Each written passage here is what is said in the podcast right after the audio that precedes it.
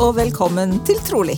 Samtaler i en norsk siste dagers helligkontekst sånn stort sett uten berøringsangst. Stort sett uten Litt, litt i hvert fall.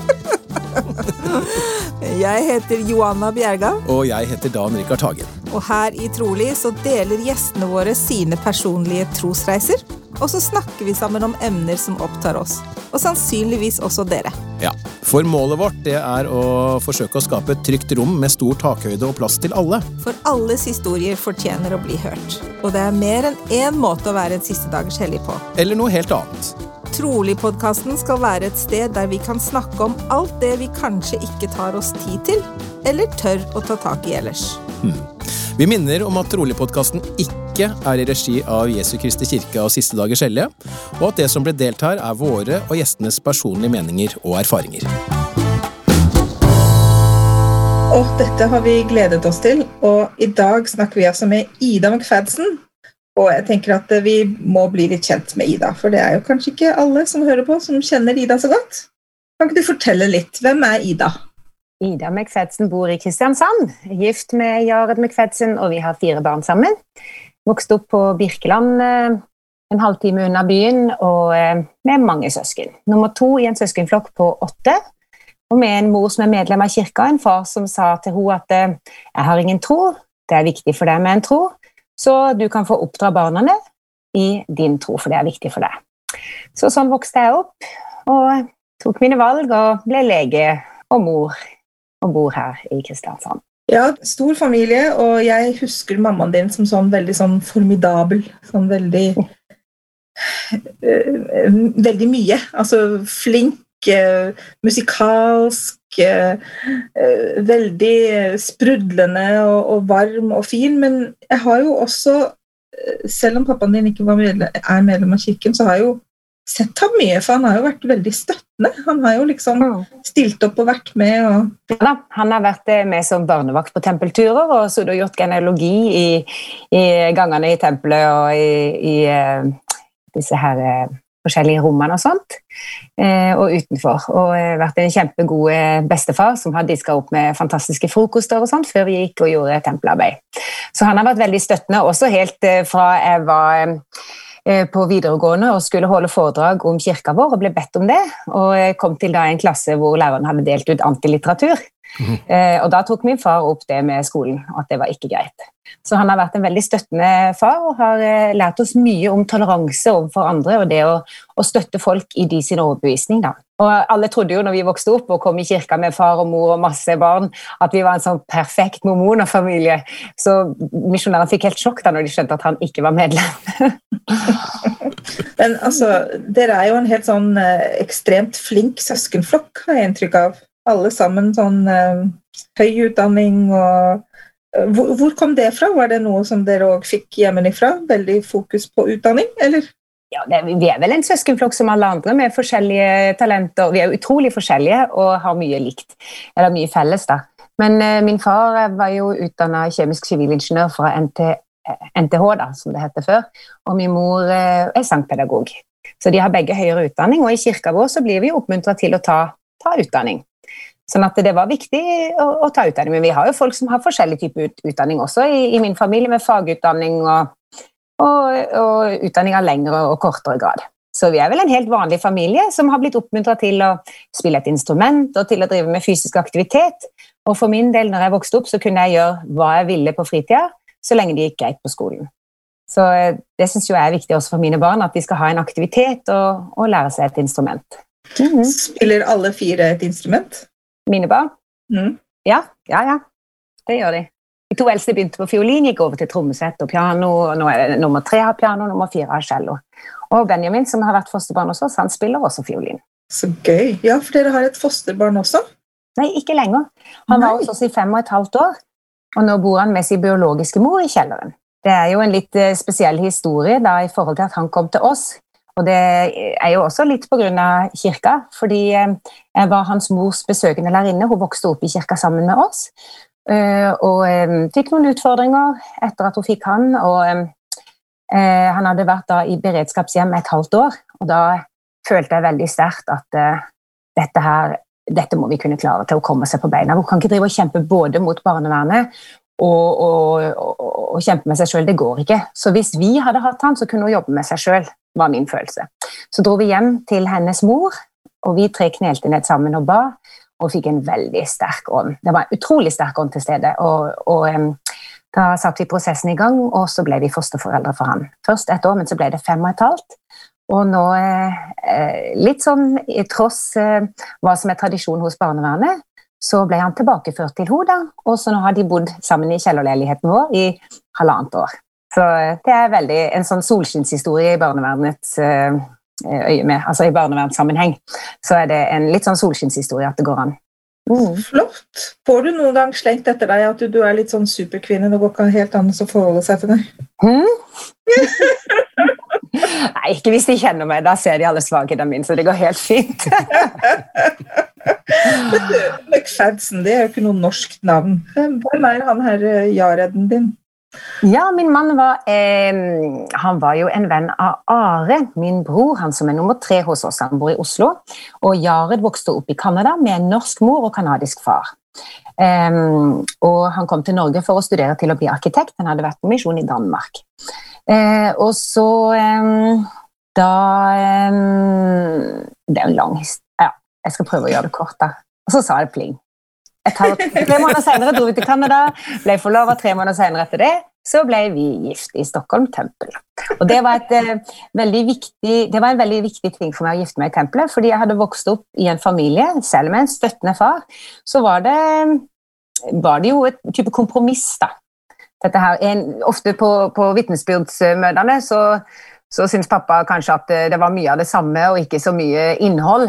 Så da dro vi på skauen en gang i måneden. Så det måtte kompromisser til. Så, så jeg visste at jeg hadde lyst til å gifte meg i tempelet. Og vi alle ba jo hver kveld pappa måtte slutte å røyke, at pappa måtte bli medlem av kirka. Slutte å røyke, det klarte han. Bli medlem av kirka er vi ikke helt ennå. Fortsatt muligheter. Ja, ja, ja. Men uh, Ida, um, det er jo spennende i seg selv det at du er også da oppvokst i et hjem hvor uh, ene forelder er medlem og den andre ikke. Mm. Uh, du er jo medlem og har på en måte valgt den retningen. Um, fortell litt om trosreisen din. Ja, um, da jeg var 14 år og begynte med seminar, så hadde jeg veldig positiv opplevelse med det, og satt og studerte på egen hånd. Eh, og vi hadde Bjørgil Andersen, som nå nettopp er gått bort. Hun var min første seminarlærer og hadde veldig gode lekser. Og på en måte Vi hadde om læropakter, og det var min første sånn eh, introduksjon inn i evangeliet. Det er jo utrolig eh, lett eh, lettfattelig da, i lærepakter. Det er veldig tydelig hva som er rett, hva som er galt, hvordan Gud taler til oss i dag. Eh, så jeg fikk mitt vitnesbyrd gjennom seminaret, altså. Så jeg syns jo det er viktig. Mm. Så, Jeg syns jo det er, som sagt, at det er litt spennende det med uh, en forelder som er medlem og en som ikke er det. Hvordan har det påvirket deg? mm, mm, jeg tror um, Jeg vet ikke. Jeg, som sagt, jeg tror for meg var det veldig viktig å gifte meg i tempelet. Og jeg hadde jo en kjæreste i et par år uh, som var medlem, men som ikke hadde et sterkt nok vitnesbyrd til å gifte seg i tempelet. Og han visste også at det var veldig viktig for meg. Mm. Og dermed så ble det slutt mellom oss. Ikke fordi vi ikke var glad i hverandre, men fordi han visste at jeg ville gifte meg i tempelet. Og da var jeg egentlig jeg klar for å Når det var slutt mellom oss, så tenkte jeg jeg kommer aldri til å finne en mann i Norge. Kommer, jeg kommer til å være alene. Og så, skal jeg, så kom jeg til at jeg, jeg skal ikke gå rundt og synes synd på meg sjøl, men når jeg blir ferdig i turnustjenesten, så skal jeg ta tropemedisinkurs og jobbe for Leger uten grenser og jobbe med folk som har det vanskeligere enn meg sjøl. Mm. Så skal jeg jo få et godt liv. Ja. Ja, Det var planen. Det var min plan. Ja. Så kom Jared. Ja, Så kom Jared. så sånn kan det gå. ja. Happy ending. happy ending. Men det har iallfall for min del gjort at, um, at evangeliet er ingen selvfølge, og man må, uh, man må ta eh, helt sånn bevisste valg da, på hva man vil. Mm. Uh, Ja, for det er det jeg liksom tenker på. Man kanskje nesten blir hakket mer bevisst da, når du jeg vet ikke, at du på en måte har større mulighet for å velge, da. For, for å si det sånn, mine barn, i hvert fall som små, hadde jo ikke så veldig mye valg, hvis du skjønner, i og med at begge Vi skal i kirken, sant? ja, det hadde, det hadde ikke mine søsken heller. Vi Ja, skulle i kirken. ja, ja. Men det var fordi vi hadde en veldig støttende far. Ja. Og jeg tenker Du kan jo vokse opp i kirka med å ha eh, foreldre med forskjellig eh, oppfatning av hva evangeliet skal bety for dem. Sant. Og det er det jeg tenker, det er det som er viktig å finne en partner som, som har samme eh, holdning til hvor viktig religionen er i ditt liv. Mm. Så hva, Du har på en måte egentlig sagt det litt, men, men hvis du skulle definere tro, hva er din definisjon på tro? Ja, min definisjon på tro det handler om at hvis man vet at noe er riktig, så er det som å stå på toppen av en klippe, og du har ingen vinger, men du får beskjed om å hoppe. Men jeg har ingen vinger, men du skal hoppe, vingene vil komme. Og så hopper du, så flakser du med armene, og så vokser vingene ut. Det er tro for meg, og det har jeg opplevd i mitt liv. Blant annet i forhold til dette her å gi slipp på det man opplever som den store kjærligheten. Så hopper man ut, så flakser man med vingene, og plutselig så kommer det enda større kjærlighet. Og det er mange andre prinsipper også i livet mitt jeg har prøvd det på, men det er sinnssykt skummelt å gjøre det som du blir bedt om å gjøre, når eh, fornuften og frykten sier noe annet. Mm. Så det er tro for meg. Du hører på Trolig-podkasten, i dag med Ida McFetzen som gjest, og du valgte altså å bli lege. Hva var årsaken til det? Jeg tror eh, kanskje fra jeg var ganske ung, så hadde jeg lyst til å hjelpe, hjelpe andre. Eh, Jeg gikk selvfølgelig innom eh, min periode og ville bli husmor og flyvertinne og frisør og sånt, men eh, ganske tidlig så hadde jeg eh, lodd, altså sånn, jeg hadde lotteri som jeg sendte penger til Redd Barna. Jeg hadde lyst til å dra til Afrika og ut og reise og jobbe og hjelpe. Det var min tanke. Og så jeg vet ikke, Det var vel en gang på ungdomsskolen at jeg hadde lyst til det. Og så, og så gjorde jeg det, da. Mm. Så det, det å bli lege, det, ja, det var liksom Det var bare sånn det skulle være. Ja. Og det er litt sånn, Jeg vet ikke hvor personlig man skal bli, men i min patrikalske velsignelse så står det 'studere evangeliet flittig, men husk også at det er annen kunnskap som er viktig'. Tilegn deg kunnskap om mennesker og menneskers natur. Og det er litt kult, da. Ja. Um, som jeg tenkte ja, det passer perfekt for meg. så uh, hmm, Lever jobben opp til forventningene, da?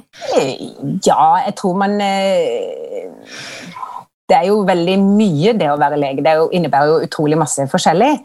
Og det kan man jo ha, eh, si veldig masse om.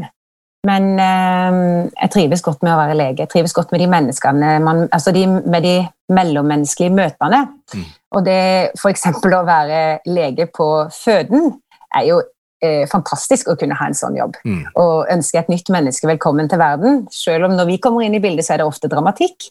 Men jeg har jo også opplevd å, å sitte og sy, og så sa jeg til dem at å, når dere jobber så bra sammen, så må dere ta vare på hverandre. sa jeg. Og det pleier jeg ikke ofte å si. Mm. Så forsvinner mannen ut på do, så kommer han inn igjen med en liten boks, kneler ned og viser henne en ring. Vil du gifte deg med meg? Og jeg sitter der og syr etter fødselen. Det er jo bare sånn, det er jo en ekstrem situasjon. Men eh, eh, det var ei som sa en gang på et sånt seminar jeg var på, at vi leger vi trenger ikke å lese Se og Hør, for vi jobber i Se og Hør. Altså vi jobber i det i praksis.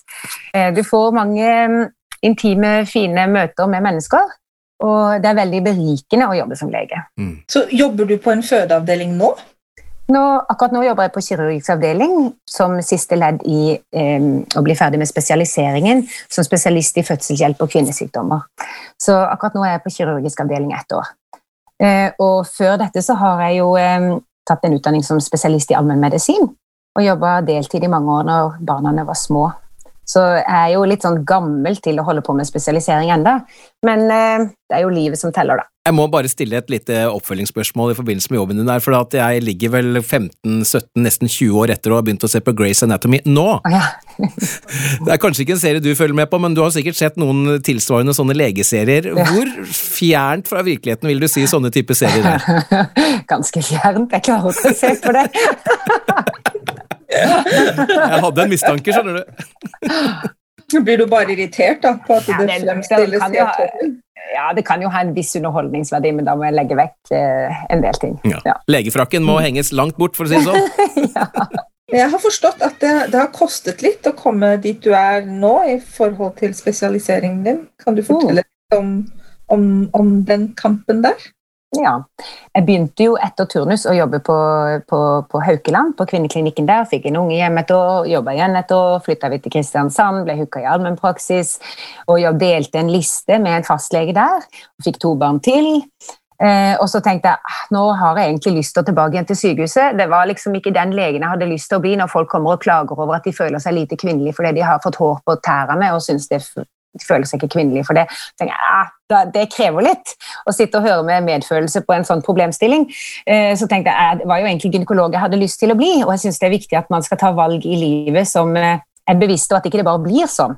Og jeg hadde lyst til det, og søkte meg tilbake igjen på sykehuset og fikk beskjed av hun som da var helt ny leder, da, at eh, det var veldig problematisk at jeg, ikke, at jeg hadde reservert meg for abort og, og min, mitt livssyn. da.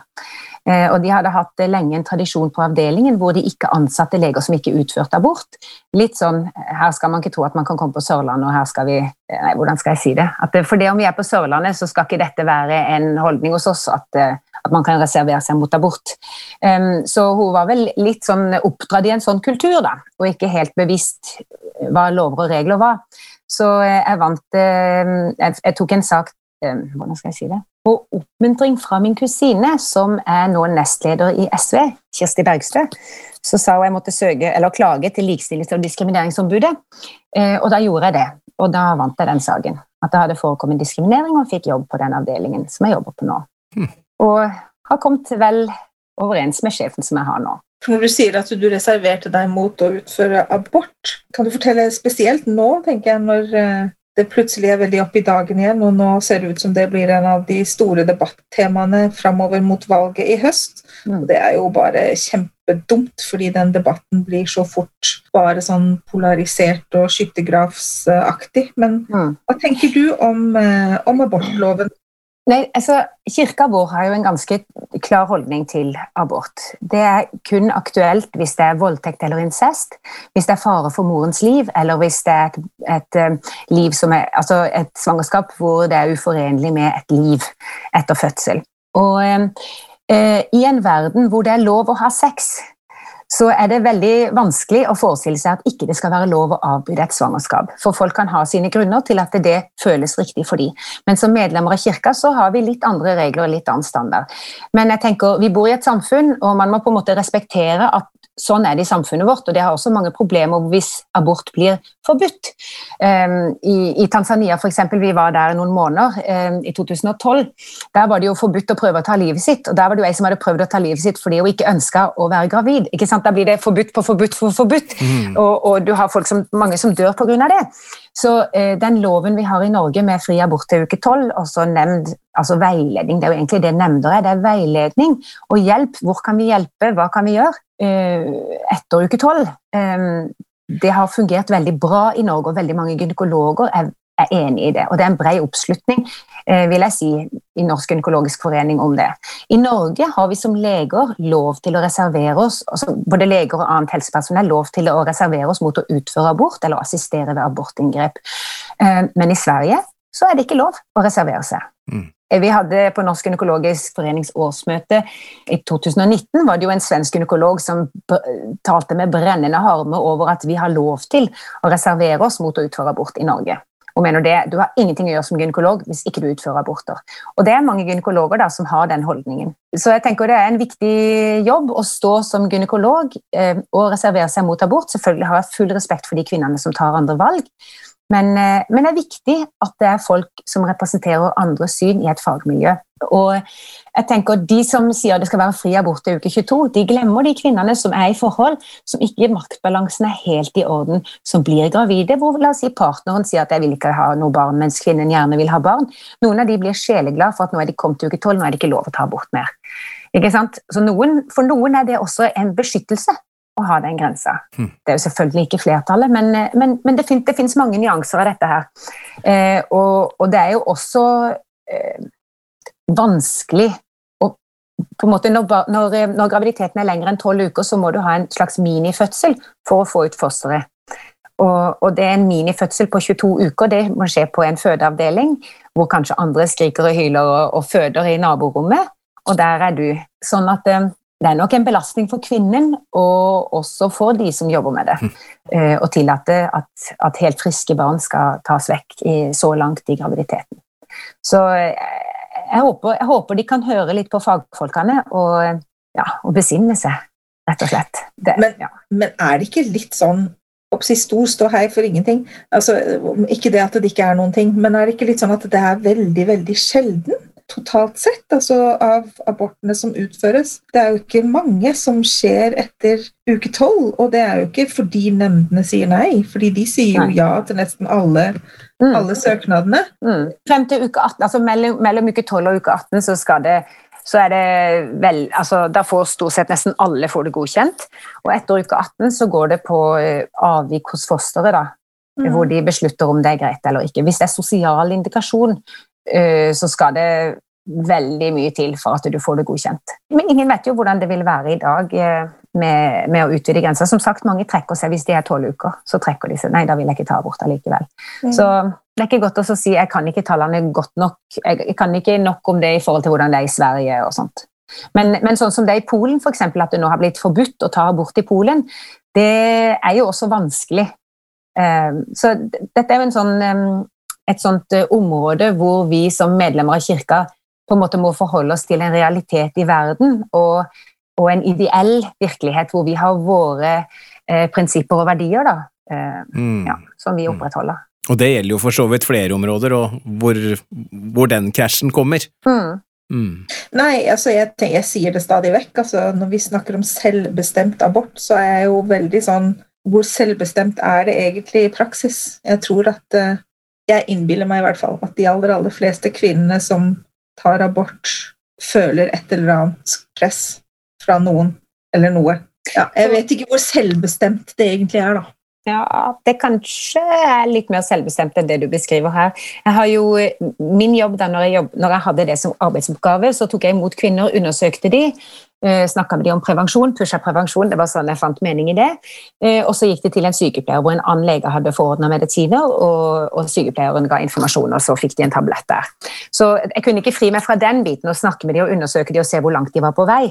Så jeg har snakket med mange abortsøkende kvinner, og eh, det er jo alt fra en vanvittig livskrise til at eh, nå ble jeg gravid litt for tett på den andre, eller eh, nei, vi skulle reise og jeg kunne ikke avstille den reisa, eller det kan være banaliteter, og det kan være eh, en vei Altså, Hvis de hadde opprettholdt graviditeten, så hadde det vært et liv forenlig med kontakt med en mann som eh, ikke var god for dem. Eh, så du har, du har begge ytterkanter, men det, det er jo klart det også er mer sånn trivielle aborter. ja. Og noen har vansker med å bruke prevensjon og har sånn seks-syv aborter. Så det er veldig, forskjellig hvordan man ser på det. Om det er et liv, ikke et liv. Muslimske kvinner for eksempel, de har lov til å utføre abort frem til hjertet slår. Eh, Så det er en annen eh, tolkning rundt abort. Og når er det hjertet begynner å slå? Det er rundt uke seks. Ok. Mm. Du, eh, vi kan hoppe litt videre i tematikken her. Når jeg og kona mi var ja, ikke nygifte for så vidt på det tidspunktet, selv om det gikk ganske fort til vi fikk eh, vårt eh, første barn. Det tok vel, det tok vel ganske nøyaktig et år. Mm. Eh, og ganske kort tid etter det så ble hun gravid igjen, og så skulle vi på sånn undersøkelse, og så traff vi da en sykepleier som sier til oss du, det er faktisk noe som heter familieplanlegging i Norge, altså. Eh, la det være innledningen til neste punkt her, familieplanlegging. Hvordan stiller du deg til det, og, og hvordan balanserer du da troen din mot, mot samfunnets syn på det, som, som kanskje ikke er helt eh, på samme nivå? Jeg tror ikke det er så forskjellig. Mm. Fordi i, i kirka vår så eh, står det i håndboka da, at uh, altså størrelsen på en familie det er helt opp til paret sjøl å bestemme. Og det står også at seksuelt samliv er til å glede og styrke parforhold. Eh, og, og da at antall barn man vil ha, det er opp til oss sjøl å, å bedømme. Mm. Vi har jo ikke noe forbud mot spiral eller hormonspiral, som enkelte andre kristne praktiserer. Eh, og vi har jo fri mulighet til å bruke hormonell prevensjon og barriereprevensjon som kondomer og alt som er avbrutt samleie og alt som finnes. Mm. Så det syns jeg fungerer veldig greit. Eh, kirka vår har en litt sånn veldig konservativ og litt sånn overraskende holdning til sterilisering, eh, med at de fraråder det. eh, Kirurgisk sterilisering. Mm. Eh, ja, jeg vet ikke helt hvorfor, men eh, for min del jeg hadde en syster på eggstokken når jeg var 42 og måtte fjerne en eggstokk, og da sa jeg at jeg kan bare ta begge egglederne mine. Det er en risiko for kreft. Altså, når de først skulle inn i magen min, så kunne de godt ta vekk egglederne, så er det litt mindre sjanse for at jeg får egg eggstokkreft i den siste eggstokken jeg har. Mm. Så eh, sånn tolker jeg det. Men, eh, og det står jo også at eh, hvis man eh, steriliserer seg, så må man gjøre det og få bekreftelse av Den hellige ånd, liksom at det er riktig for deg. Men det er noe de ikke eh, råder til. da. Mm. Så jeg synes ikke det, akkurat den er ikke så vanskelig. Du, eh, hvis vi går noen år tilbake i tid, så var du på besøk i Moss, min eh, hjemby, og holdt et foredrag der som var vanvittig interessant. Det var jo veldig mange forskjellige tema, så vidt jeg husker du snakket om, men ett av temaene eh, som du tok opp eh, med foreldre, som var det vel egentlig bare som var der, det var pornografi. Mm. Eh, Jeg vet ikke om du husker noe fra dette foredraget, eller det er kanskje et foredrag du har holdt flere ganger i andre sammenhenger også, men, men kan du si litt grann om For det var spesielt én ting du nevnte som var helt nytt for meg, men som for så vidt kanskje forklarer en del. Det var dette med at det er jo en del det er jo, Jeg vet ikke om det er riktig ord, men det er jo en del biologi involvert, også når man snakker om pornografi. Mm. Kan du si litt om det? Ja, litt sånn kort. altså Kirka vår har jo et veldig restriktivt syn både når det gjelder bruk av pornografi og bruk av onani, f.eks. Mm. Eh, og så kan man jo lure hva, hvorfor det. Man har jo sexologer i dag som liksom sier at dette er det som skal til for å piffe opp og ha det fint og bli kjent med seg sjøl. Og alt sånt her. Og det som jeg tenker i forhold til det, det er at eh, når du lærer å sykle, så får du enkelte baner oppi hjernen din, sånn at du kan liksom ikke ha sykla på fem år, og så, så kan du sykle. Mm. Fordi det er så innarbeida at uh, alle muskler, alle uh, impulser, det, de jobber sammen til at det fungerer. Sånn er det også litt med seksuell tenning. Og hvis du oppøver deg noen tenningsmønstre som, uh, hvor du er avhengig av um, at du bare får det til med deg sjøl, f.eks., eller at du eh, trenger denne her eh, flashen med stadig nye ansikter, nye spennende ting som du kan se på en skjerm, som ikke koster noen ting av omsorg, omtanke, kommunikasjon, misforståelser, rette opp i det og prøve på nytt igjen, som et vanlig eh, samliv eh, og utvikling av god seksualitet innebærer. Så er det veldig enkelt og det er veldig lett, og det kan skape en avhengighet, nesten som heroin. Så jeg tror det er en beskyttelse for oss at eh, at vi ikke skal lefle med de tingene, fordi da kan vi få litt bredere mulighet til å ha det godt sammen med hverandre. Mm. Var det svar? ja, det var det. Du var nok enda mer konkret den gangen, for jeg husker du Ja, det var det. du, men, Men da trenger vi et langt foredrag. Det må jo være en hel episode bare for det. Ja, sant det. Men, men du var for så vidt inne på det når du snakker om eh, nervebaner og sånn, at, og, og at det også kunne føre til Belønningssystemet. Mm. ja, ja, og at du på sikt rett og slett vil hige etter sterkere og sterkere stimuli, var vel du nevnte, Ja. som var interessant Ja, da. Det, det, en heroinav, det kan bli som en heroinavhengighet. Selvfølgelig er det jo forskjellig. Noen kan gjøre ting én gang og ikke bli avhengig, og det vet vi ikke hvilken sårbarhet vi har. Men, men det som kjennetegner, er at du, det, er lite, det koster lite av det, og du trenger stadig mer og mer og mer. og mer. Og det som jeg har sett um, når jeg har jobba som lege, er jo også jeg har møtt kvinner som har syntes det har vært veldig leit å blitt avvist av sine menn. Det er jo en litt sånn myte at menn vil alltid ha sex. eh, og når kvinner opplever at ikke det er sånn, så kan det være veldig sårbart for dem. Og da hvis, hvis mannen syns det kanskje er litt for mye litt for krevende med sin partner og, og får sitt eh, behov oppfylt eh, via en skjerm eller diverse, så, eh, så kan det bli en stor et stort sånn eh, gap mellom ektefellene. Ja, det kan jeg jo forstå. Det, det jo, Jeg kan ikke skjønne annet enn at det vil være veldig skuffende å oppleve, Ja.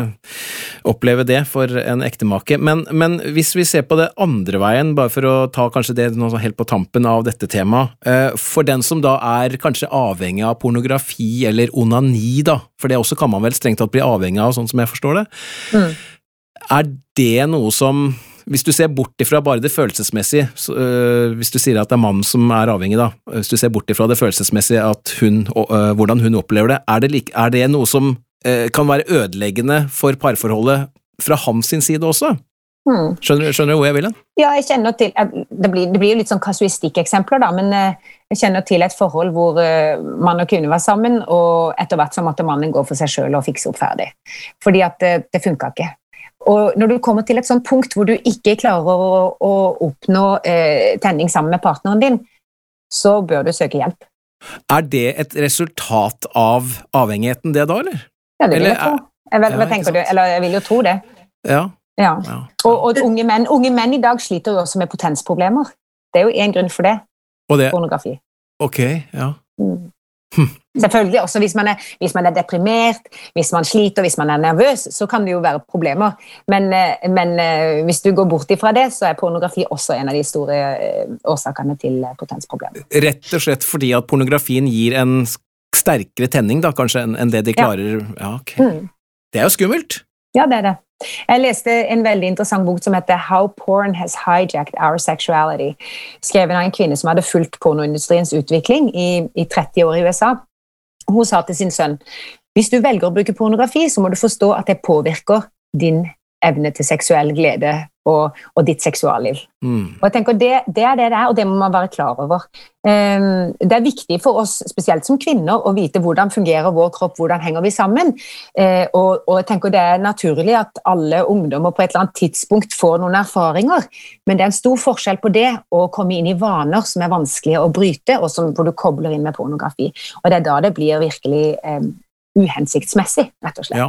Men betyr det at du mener at eh, selv om en, et barn eller ungdom eh, begynner da, med disse erfaringene, for å si det på en pen måte, så trenger det ikke å bli et problem, er det det du sier? Man blir ikke nødvendigvis avhengig av bare å sette dette i gang? For det er jo sterke krefter. Eh, eh, når det gjelder pornografi, så, så, så, tror jeg det er lurt å holde seg unna det uansett, for det vet man aldri hvordan det fungerer. Ja, men, Var det det du men tenkte på? tenkte jeg mer på Nei, jeg tenkte på masturbasjon. Jeg, jeg tror at det, den, den tiden hvor eh, Onan eh, i Bibelen eh, eh, Var det ikke han som kasta sin sæd på jorden? ikke sant? Og, og man trodde jo. i gamle dager at man fikk hår i håndflatene hvis man eh, onanerte. Jeg tror den tiden er forbi. Ja. Ja, og jeg tror, jeg tror at eh, jeg tror, uh, unge menn som vokser opp i kirka, iallfall uh, for noen år siden, ble oftere spurt om det enn oss jenter. Er du ikke enig i det, Johanna? Ja, Jeg har aldri blitt spurt om Nei. det, i hvert fall. Ikke sant? Og, og, og ingen tenker på det. Eh, men jeg tror unge menn blir gjerne spurt om det. Ikke sant? Og, og kan få et Ja. vanskelig forhold til seksualitet. Fordi de føler skam for det som av og til skjer en sjelden gang, eller hyppig eller ikke så hyppig, eller hvem vet. Um, og, og jeg tenker det er noe med å ha en slags balanse og forståelse at det, til en viss grad er dette normalt, og til en viss grad er det noe man må jobbe med. At ikke det blir en vane, og så må man liksom finne en slags balanse så ikke det blir helt rart.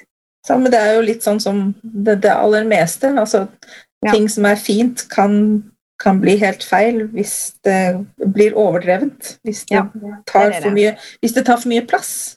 Jeg tenker at det går jo på Jeg tenker i forhold til visdomsordet, for eksempel.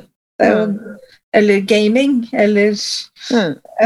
eller nesten hva som helst. ikke sant? Altså det, det trenger ikke nødvendigvis være så ille, men, men hvis det tar for mye plass, Mm. Og det tar for mye av um, fokus og tid og Mm. alt, så, så blir det jo feil. Men uh, det er jo en diskusjon som pågår ikke, Jeg føler ikke at det har vært noe debatt her, men i, i, i USA, og i, hvor, hvor det kanskje er enda mer skambelagt og tabu å snakke om seksualitet Mm. eh, generelt, så, så er det jo litt diskusjon på gang om, om man kanskje har bikket litt for mye til at liksom at man begynner å snakke om, om avhengighet med en gang. Liksom. Eh, Ja, ja. eh, Nei, men ø, man må jo, man må at vi må, vi må roe oss litt ned. Altså, det, det er ikke nødvendigvis avhengighet eh, første gang eller eneste gang man det, det er forskjell på nysgjerrighet og avhengighet, men nysgjerrighet kan lede til avhengighet. Ja. Og jeg tror Foreldre må ikke være naive i forhold til dette her, at man må snakke med barna sine om det og fortelle at det kan være skremmende.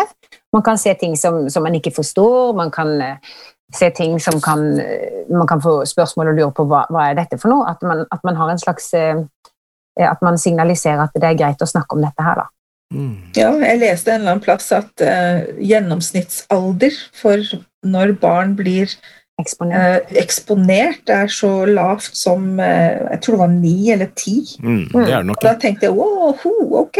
Altså, jeg, Mm. hadde, ti- jeg hadde tippet i mitt hode, i mitt lille naive hode, 13-14 kanskje, sant? Mm. Men Nei, dette, dette, pri, dette er primær. Man må snakke Ja. om sånt i primær. primær Av og, til kan, av og til kan man se nakne folk som gjør eh, annerledes ting med hverandre, og da, og da må man lukke igjen dataen og så snakke med mamma og pappa, eller stenge Ja. telefonen og, og vise det til mamma og pappa, så kan man ta en prat om det, og så kan man ja. Ja. debrife det. ja, for Mm. hva er egentlig den beste måten å ta en sånn, eh, hva skal jeg si, ja, samtale på? For altså, jeg er litt sånn um, satt ut på en måte nå, fordi min forståelse er jo at kirken er jo, kall det imot onani, Ja da, den er det. ikke Men sant? den er, imot, Så, den er også imot å kjefte på sine barn. ja, Og det tror jeg vi alle er skyldige i. ja, Ikke Ja sant? Og det er lett for oss som er gift og i et eh, godt forhold og har det bra, skjønner du? jeg er helt enig. Så jeg er helt enig, men, men det er noe med det at, øh, igjen, dette har jeg sagt så mange ganger før, jeg er så firkanta, vet du. Mm. Eh, Så når jeg lærer det, så er jo jeg veldig opptatt av at da skal ikke det skje mine barn. Selv om jeg har full forståelse for at de gjør det, men da blir det litt vanskelig, skjønner du? Men du, det er jo egentlig ikke sånn at du trenger å vite om de gjør det eller ikke. Nei. Er det det? Sånn egentlig. Så, Det Egentlig så er ganske kleint. Det er ganske kleint. Skjønner du? vet, har vi nå, mine sønner, la meg få høre. Nei, uff, det er Neida, kleint, altså. Det er klart. det er Og jeg tenker også, Det blir liksom litt sånn overkill når man ser på, ny, på, på sånn TV-program fra NRK hvor de har medisinernes seksualopplysning, og så har de klassens time og snakker om onanierfaringer. Jeg tenker jeg, Det er helt på trynet. Mm. Eh, Vi er ikke der, og jeg tenker vi skal ikke være der. Dette her er private, personlige ting, og man bør snakke om det. At eh, Hvis man driver mye med det, så kan man eh, komme inn i noen mønstre som gjør at det kan være litt vanskeligere å få eh, en god seksualitet til å fungere med en partner. Og Gud har gitt oss disse budene for å beskytte oss, så vi skal kunne ha det fint og fungere godt når vi finner en partner. Og så trenger man ikke å si veldig masse synd og skam, og du må skamme deg, og du må ikke gjøre sånn og sånn og sånn. Jeg tenker, Man skjønner det. Det fins veldig sterke, flotte, fine følelser i kroppen, og, og de skal vi ta godt vare på, og de skal vi dele med den som vi er gift med. Mm. Så enkelt er det. Veldig bra. Jeg tenker jeg, så håper jeg ikke at det blir helt kleint med mine barn når de, er, når de kommer dit. Men, men skjønner du? Ja, Jeg tenker, jeg jeg tenker eh, Det at de skal gå rundt og slite med dårlig samvittighet hele, hele ungdomsårene sine og føle at dette er noe fælt og dette er noe eh, grusomt, jeg får ikke dette her til. Mm. Det finnes så mange andre ting man også kan jobbe med. Og dette er ikke en oppmuntring til det, men jeg bare tenker liksom Det, det, finnes, noen regler, vi alle bryter regler. Og jeg sier ikke at det er bra å bryte dem, men, men man må liksom plassere det litt der det hører Mm. hjemme. da.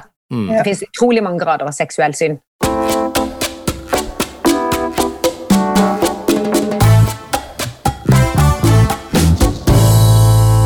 Du hører på Trolig-podkasten, og i dag snakker vi med Ida McFadsen, som er eh, lege. Og eh, jeg lurer på, hva er det du er mest stolt over å ha fått til sånn jobbmessig? Um, det var et litt vanskelig spørsmål, men det er kanskje det som er det også mest utfordrende.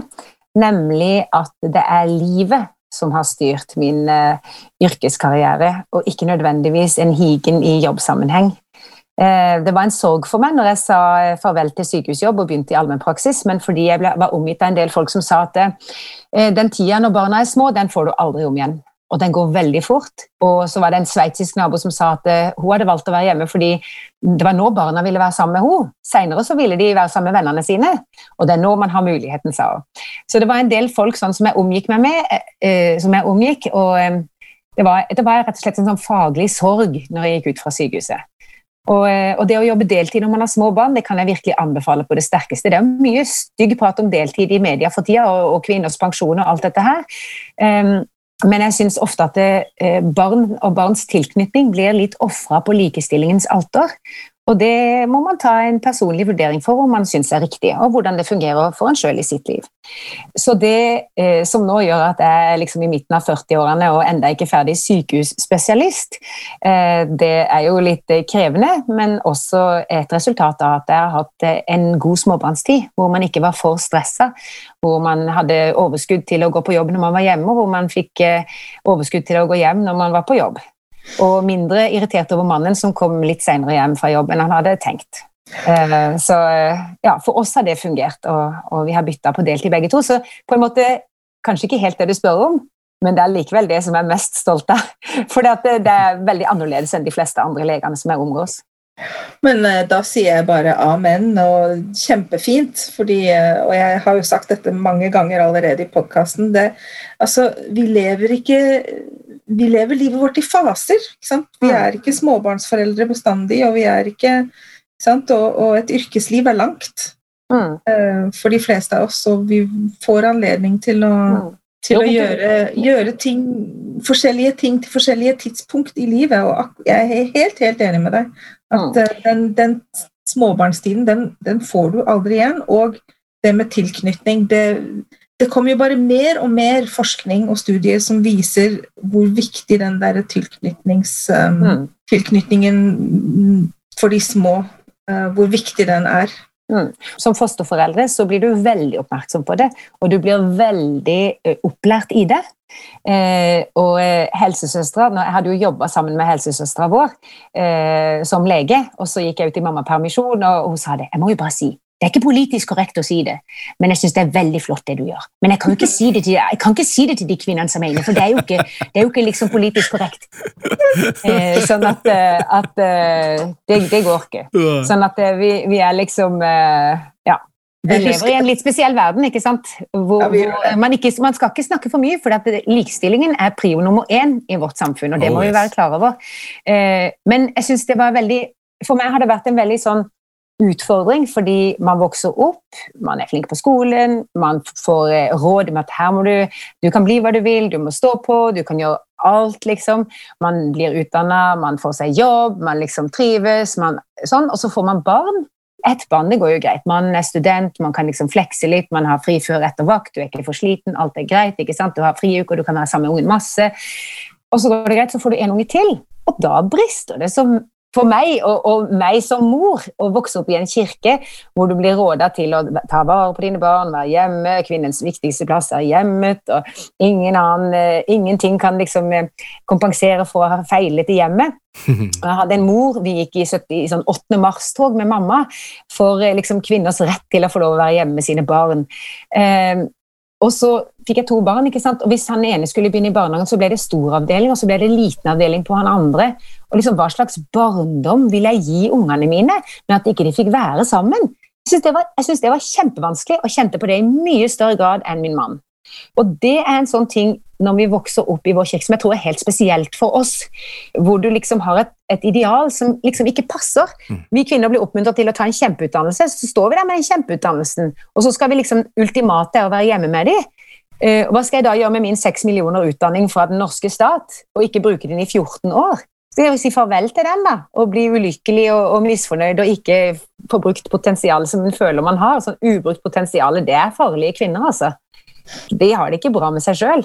Sånn at eh, det, var, det, var, en veldig vanskelig ting for meg, som jeg syns vi klarte å løse på en god måte. da, Med litt sånn kompromisser. Og, ja. Du nevnte det at eh, dere delte litt på å jobbe deltid.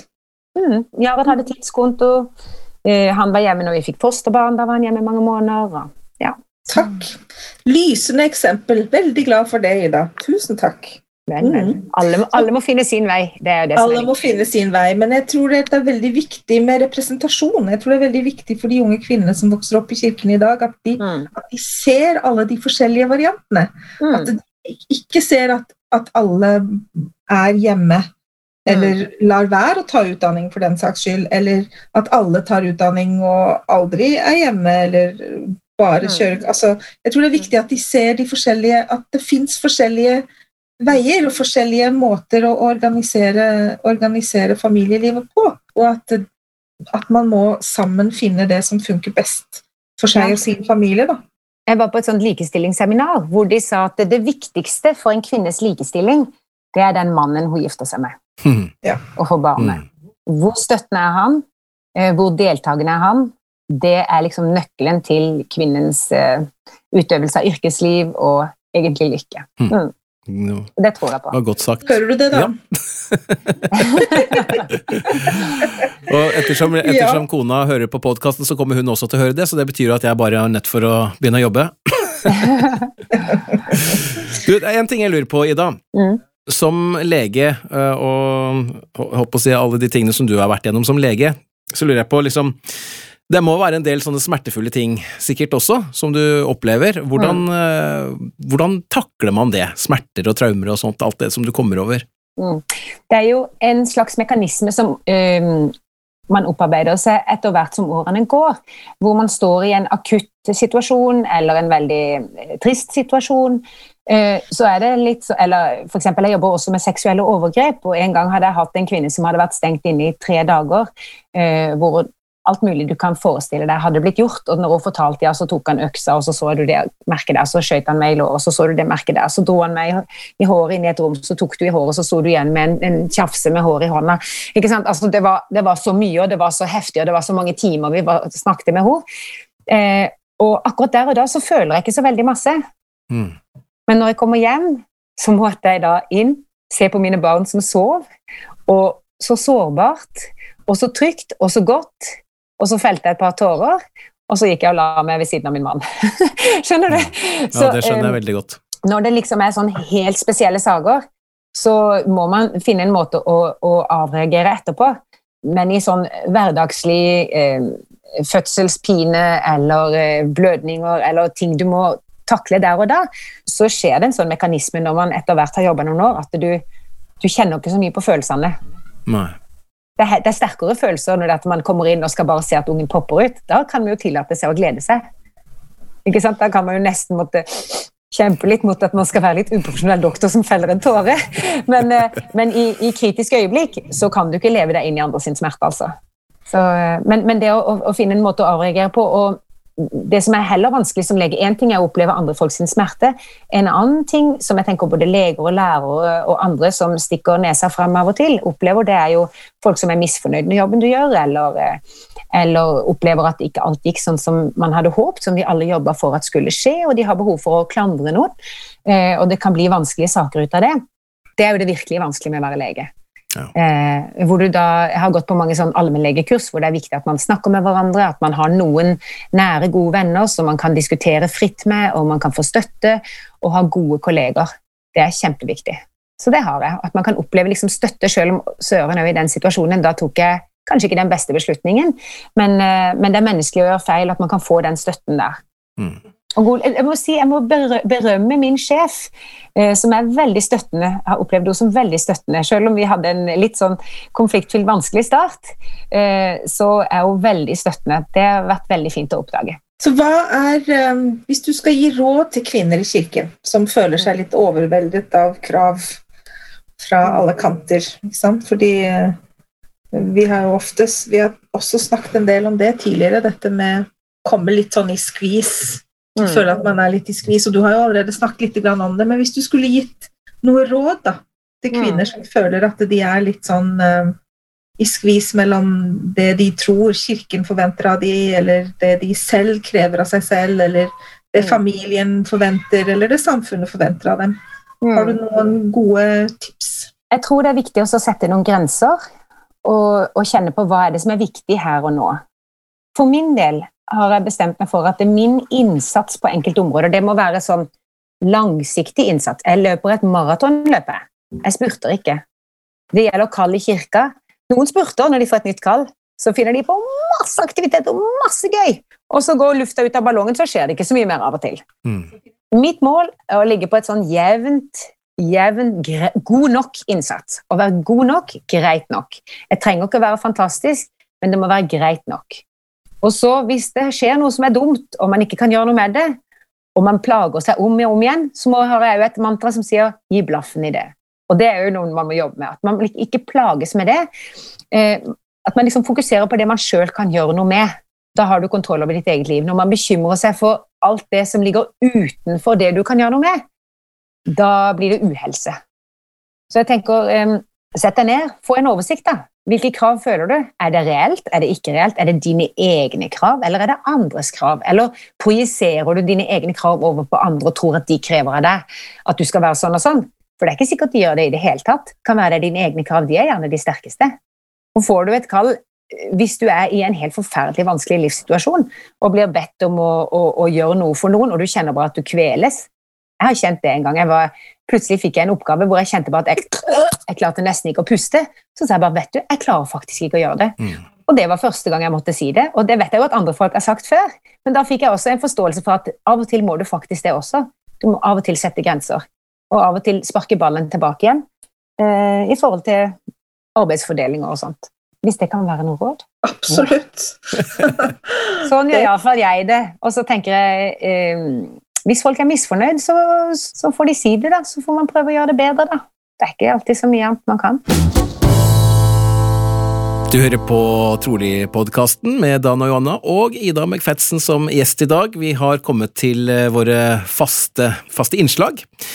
Et av dem lyder jo slik. Vi blir jo oppfordret eh, kanskje enda mer enn tidligere dette med å motta personlig åpenbaring og, og høre ham. Eh, hvordan hører du ham, eller hvordan opplever du når du mottar personlig åpenbaring? Det kommer ofte som en sånn fiks idé inn i hodet mitt. En sånn pop. 'Å, jeg må sende melding til henne.' 'Å, kanskje jeg må invitere de.' 'Å, dette må jeg bare gjøre.' Og så gjør jeg det, og så plutselig så ruller ballen, og så er det kjempegøy. Mm. jeg har også opplevd at eh, vi var i Milano, og parkerte bilen langs en gate, og jeg fikk sånn Her kan det kanskje bli innbrudd i bilen. Sa til mannen min å, her må vi pakke sånn, vi må pakke sånn, vi rydda vekk alle tingene og gjorde skikkelige forberedelser. Ah, ja, nei, og jeg føler ikke egentlig bra. Ja, ja, vi parkerer bare her. Så ble det innbrudd i bilen.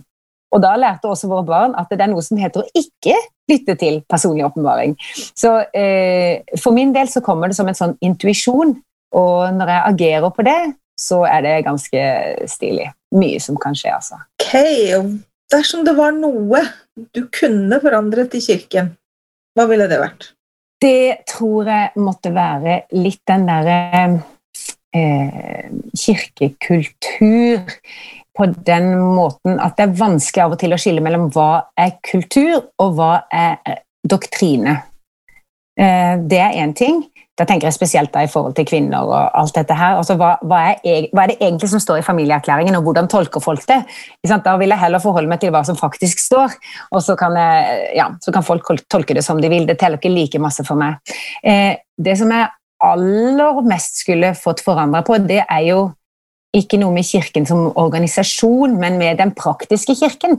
Uenighet og splid. Det er veldig ødeleggende. Og når folk ikke tilgir hverandre i en liten menighet, så er det veldig ødeleggende. Og det, man blir liksom litt ulykkelig og gleder seg over at korona har vært en lang tid med mye hjemmekirke, og det er jo ikke helt bra. Så hvis jeg kunne forandra noe, så hadde det vært at vi alle hadde vært gode venner hele tida, og at ingen hadde følt at den sier sånn, og den mener sånn, og alt det der kompliserte eh, tullet da, som jeg tenker vi kvinner er veldig gode på. Eh, det hadde vært fint å bli kvitt. Hva opplever du er det fineste med troen din, eller tilhørigheten til kirken? Um, det fineste med troen min er å ha et um, fast ståsted i livet. Jeg satt en gang på toget i India. Jeg var der med to venninner under studiet. Og vi kjørte sånn tredjeklasse eller noe sånt og satt mellom masse menn som bare snakka indisk. Så stoppa toget, og det var en bombe på toget. Vi måtte sette oss utenfor, vi satt på paviljongen. Hadde toget eksplodert, hadde vi også eksplodert.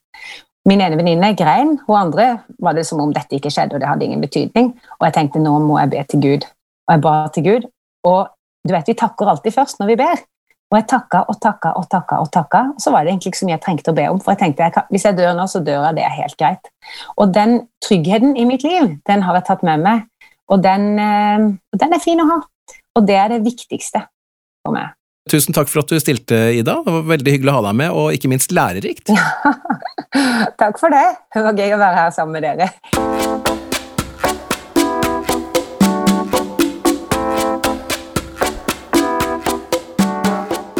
Tusen takk for at du hørte på dagens episode. Om to uker så er vi tilbake med en ny spennende samtale. Men allerede om én uke kommer en ny utgave av nyhetsbrevet vårt, Mer enn trolig, som du kan abonnere på via Facebook-siden vår. Glem heller ikke at du kan følge oss på både Instagram og Twitter, og at vi gjerne tar imot forslag til f.eks. For gjester og emner på e-post.